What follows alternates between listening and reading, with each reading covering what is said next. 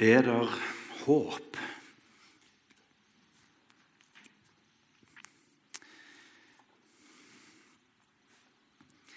Spør den som sitter på sykehus og akkurat har fått svar på en prøve om at jeg er ille syk. Er det håp, spør den som de foreldre som leter etter barnet sitt på tredje dagen og ikke finner. Eller kanskje noe mer for de fleste av oss. Er det håp for tenåringer, f.eks., som ser helt normale ut, til og med blid, men kjenner på noe tunge og mørke tanker? Er det håp her på jord, egentlig? I dag har vi pynta. Jeg håper dere ser det. De tegnene må dere ikke røre, for da detter de sammen. Med et kors. Og korset er jo et symbol. Dere har sett sikkert sånn filmer med sjømenn som har alle disse tre. Nå trenger du ikke være sjømann lenger for å ha disse symbolene. Eh, ankeret er et symbol på håp.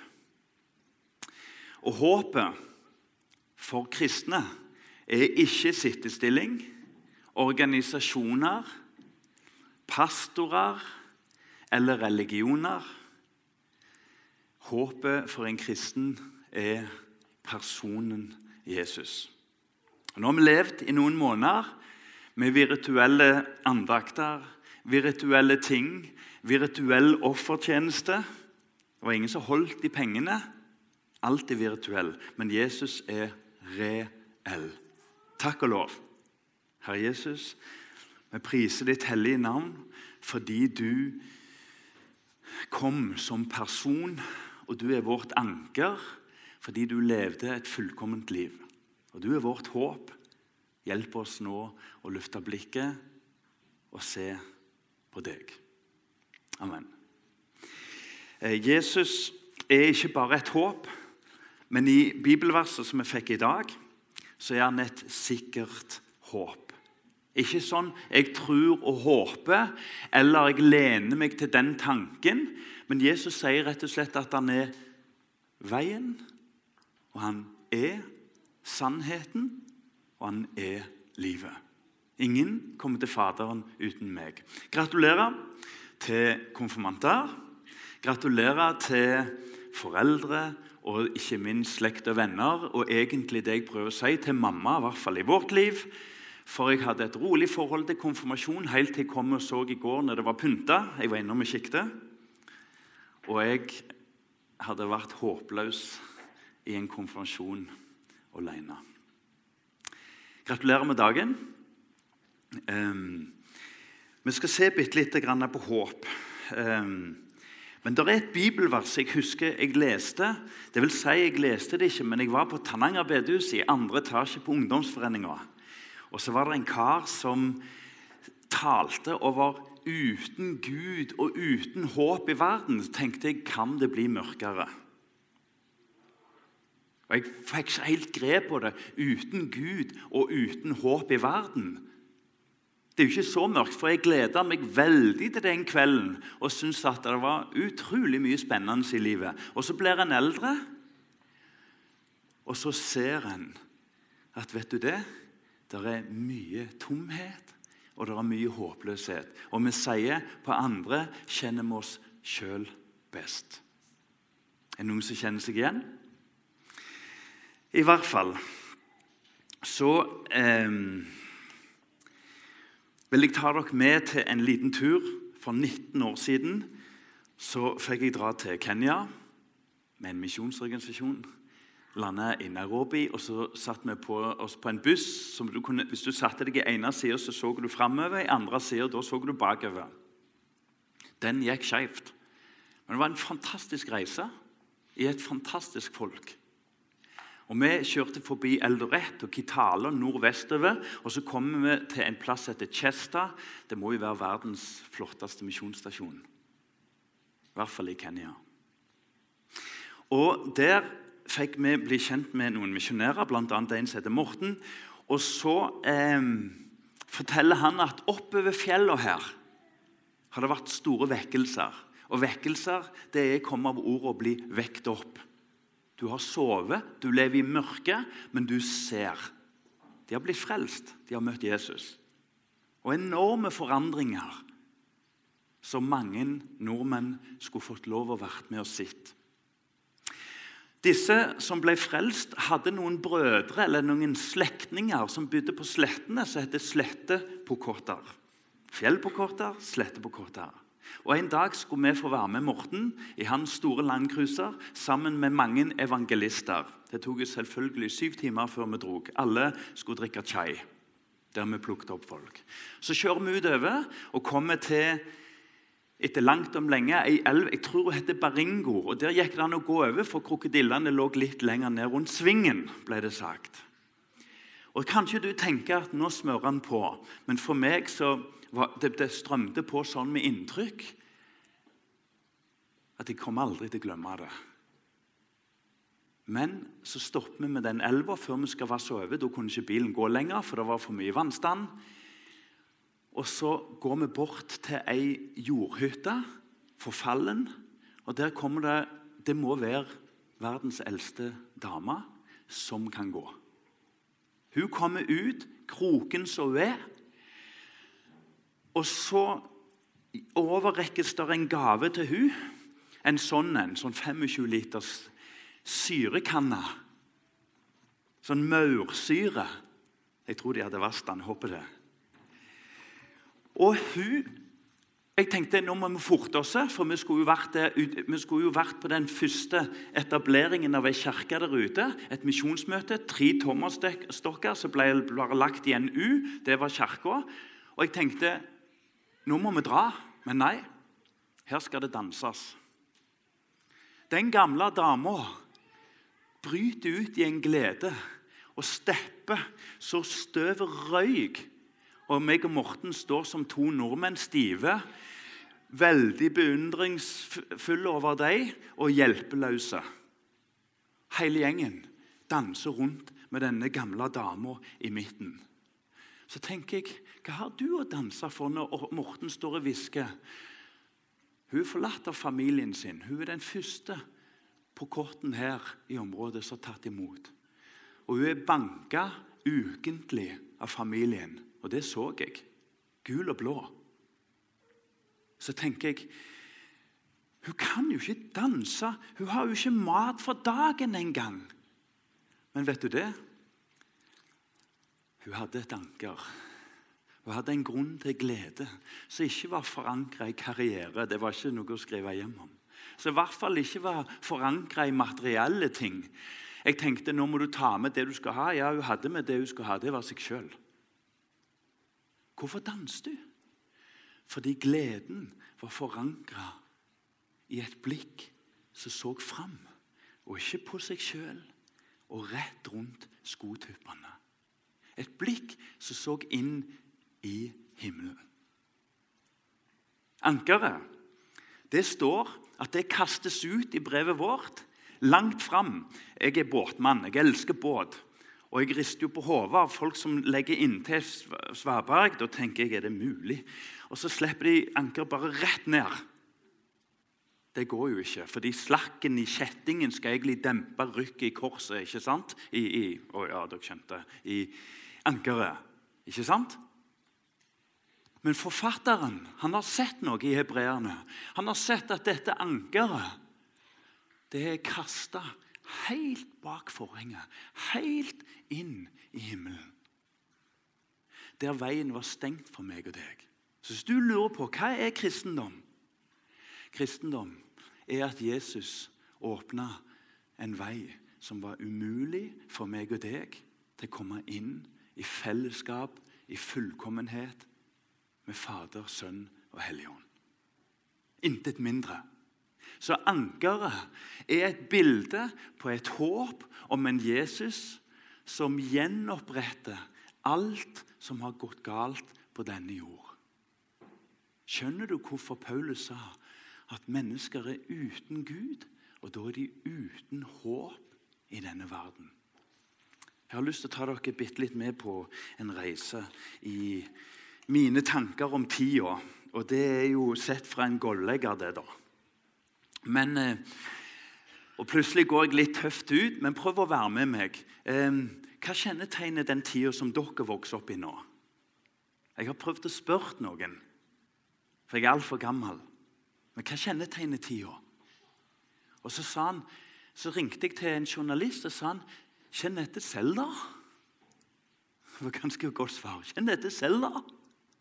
Hva kjenner tida? Jo, for det første så er det knapt noe som er sant. Og hvis det er sant, så er det ikke mer sant enn andre ting. Det er i hvert fall ingenting som er fast. Et veldig godt slagord i dag lever vi ikke i 2020.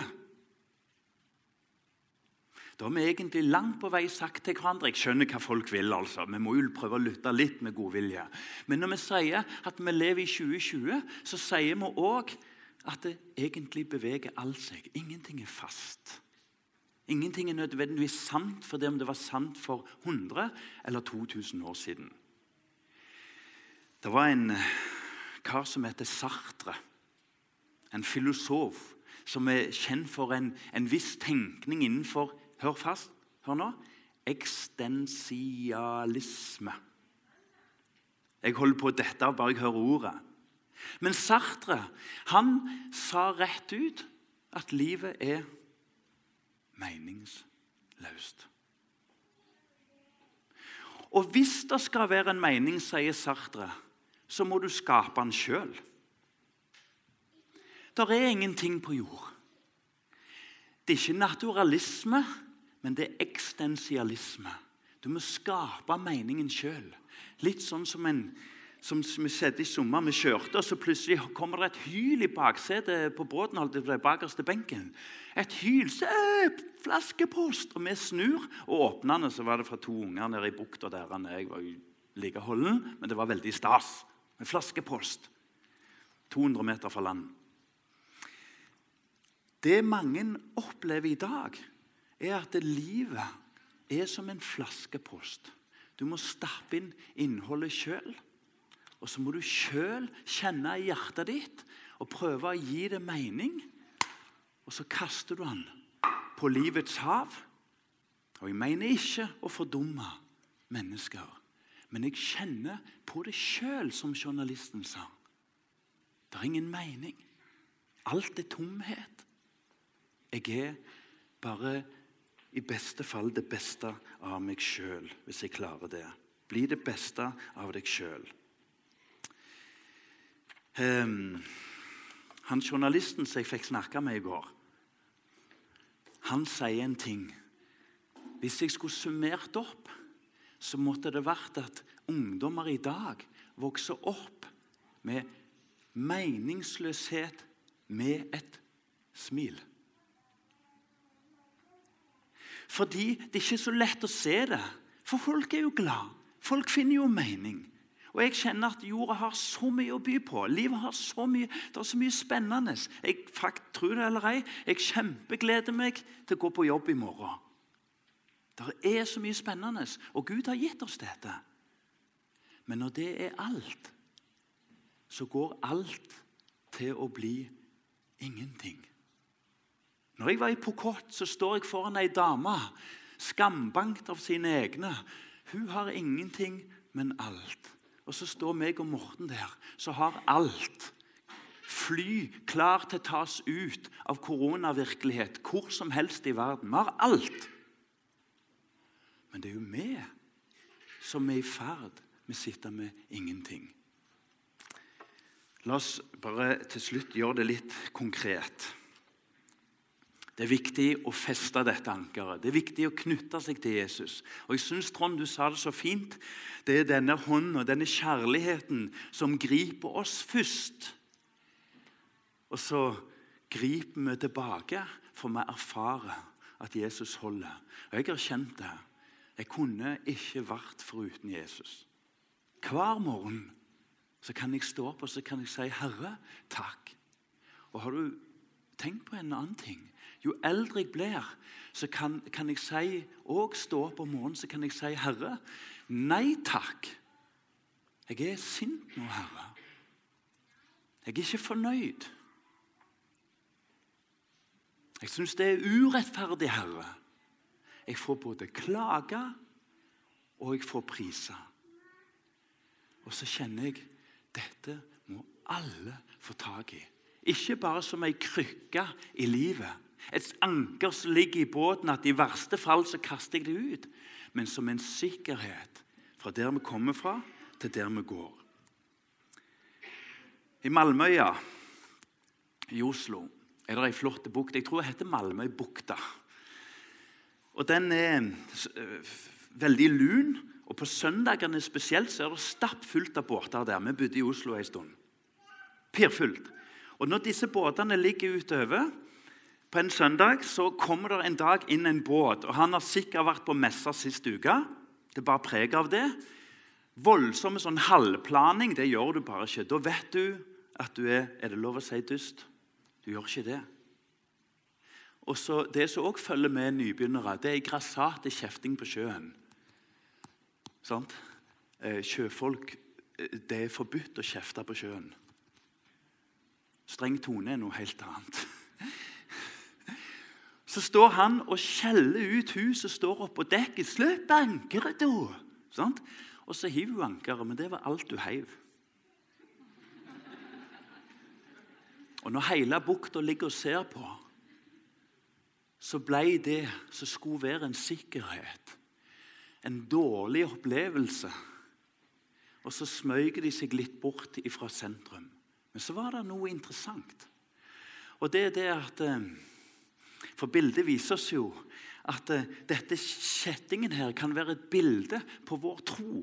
Og tro ikke at, at jeg tror så veldig, men tro er at jeg har tillit til ankeret. Hørte dere? 20 meter før land. Tro ikke at jeg er religiøs og er på bedehuset, og andre er ikke. Tro er at jeg stoler på Jesus og overlater alt til han, inkludert den manglende trua. Denne dagen var det helt stilt.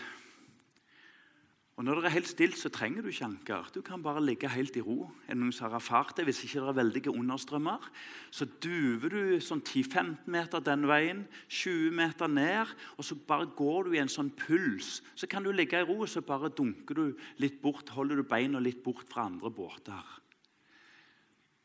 Vi som er, har vokst opp nå, vi har levd i en stillhet, et smult farvann, som verden aldri har sett.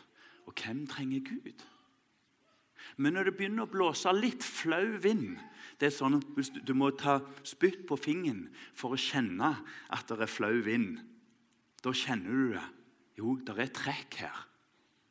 Og litt til, liten og laber bris, så er det mange som knytter seg til andre båter.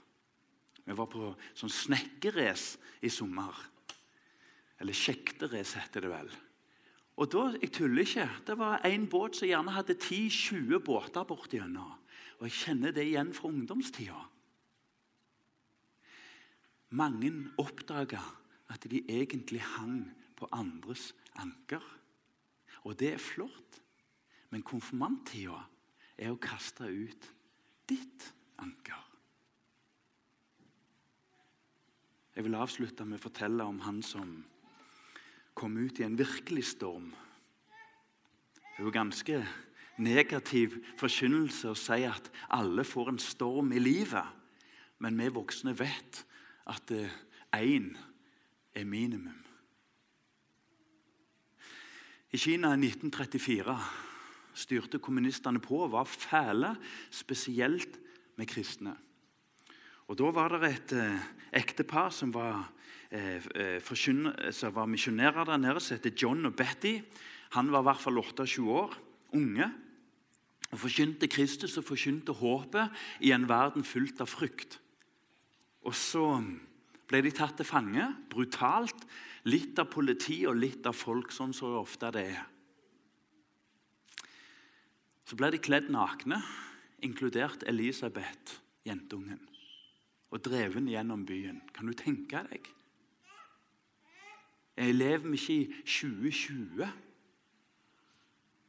Ja, hvis det er noe, så er det at vi blir vondere og vondere etter hvert som utviklingen går fram. Hvis det er noe. Så driver de disse fram. Elisabeth blir redda på mirakuløst vis, men disse to får hogd hodet av. På veien til rette stedet så er det noen som hvisker sånn halvhøyt ut hvor, hvor skal dere hen? We are going to heaven. We are going to heaven. Den som har smakt ankeret og kjent at det biter fast, og kjent at i livet så må vi av og til vente. For Gud svarer når det er best for oss. Mange ganger har jeg blitt skuffa av Gud. Jeg heiv jo ut ankeret. Jeg stolte jo på deg, Jesus. Og så er jeg blitt så gammel at jeg ser at ankeret tok tak der Gud tenkte jeg skulle være. Og dere gode konfirmanter, tenk å få lov å være et fast holdepunkt for gode venner.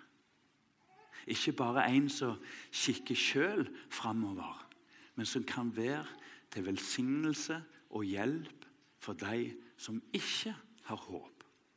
I Bibelen så står det her mennesket ser på det ytre, men Gud kjenner hjertene. Jeg har en bønn om at Gud skal få vise dere konfirmanter og gi dere øyne som ser bak det ytre, hos dere sjøl, og ikke minst på de som Gud fører i deres vei. Og Jeg tror jeg kan si at vi i fellesskap ønsker dere Guds velsignelse.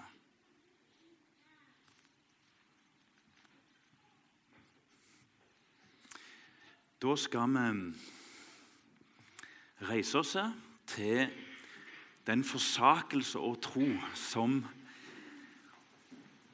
konfirmanten en gang ble døpt til. Og ser dere her Jeg må jo bare si dere er fint pynta, da. Ser dere her er dåpsfatet, og her er Bibelen. Og det er en akse fra en begynnelse og til en egen søkning. Så når jeg sier å kaste ankeret sjøl og knytte seg til eget anker, det jeg egentlig prøver å si ha ei åpen bok.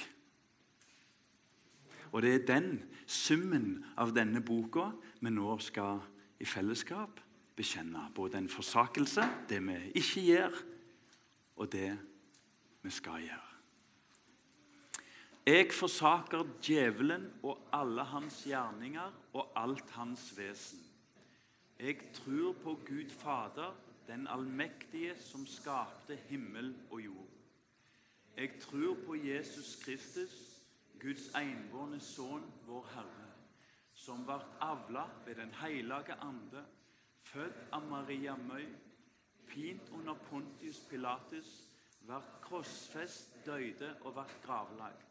For ned til dødsriket, sto opp fra de døde tredje dagen, for opp til himmelen sitt ved høyre hånda åt Gud, den allmektige Fader, skal komme att derifra og dømme levende og døde. Jeg tror på Den hellige ande, ei heilag allmenn kyrkje, et samfunn av de hellige, forlating for syndene, oppstå av lekamen og evig liv. Amen.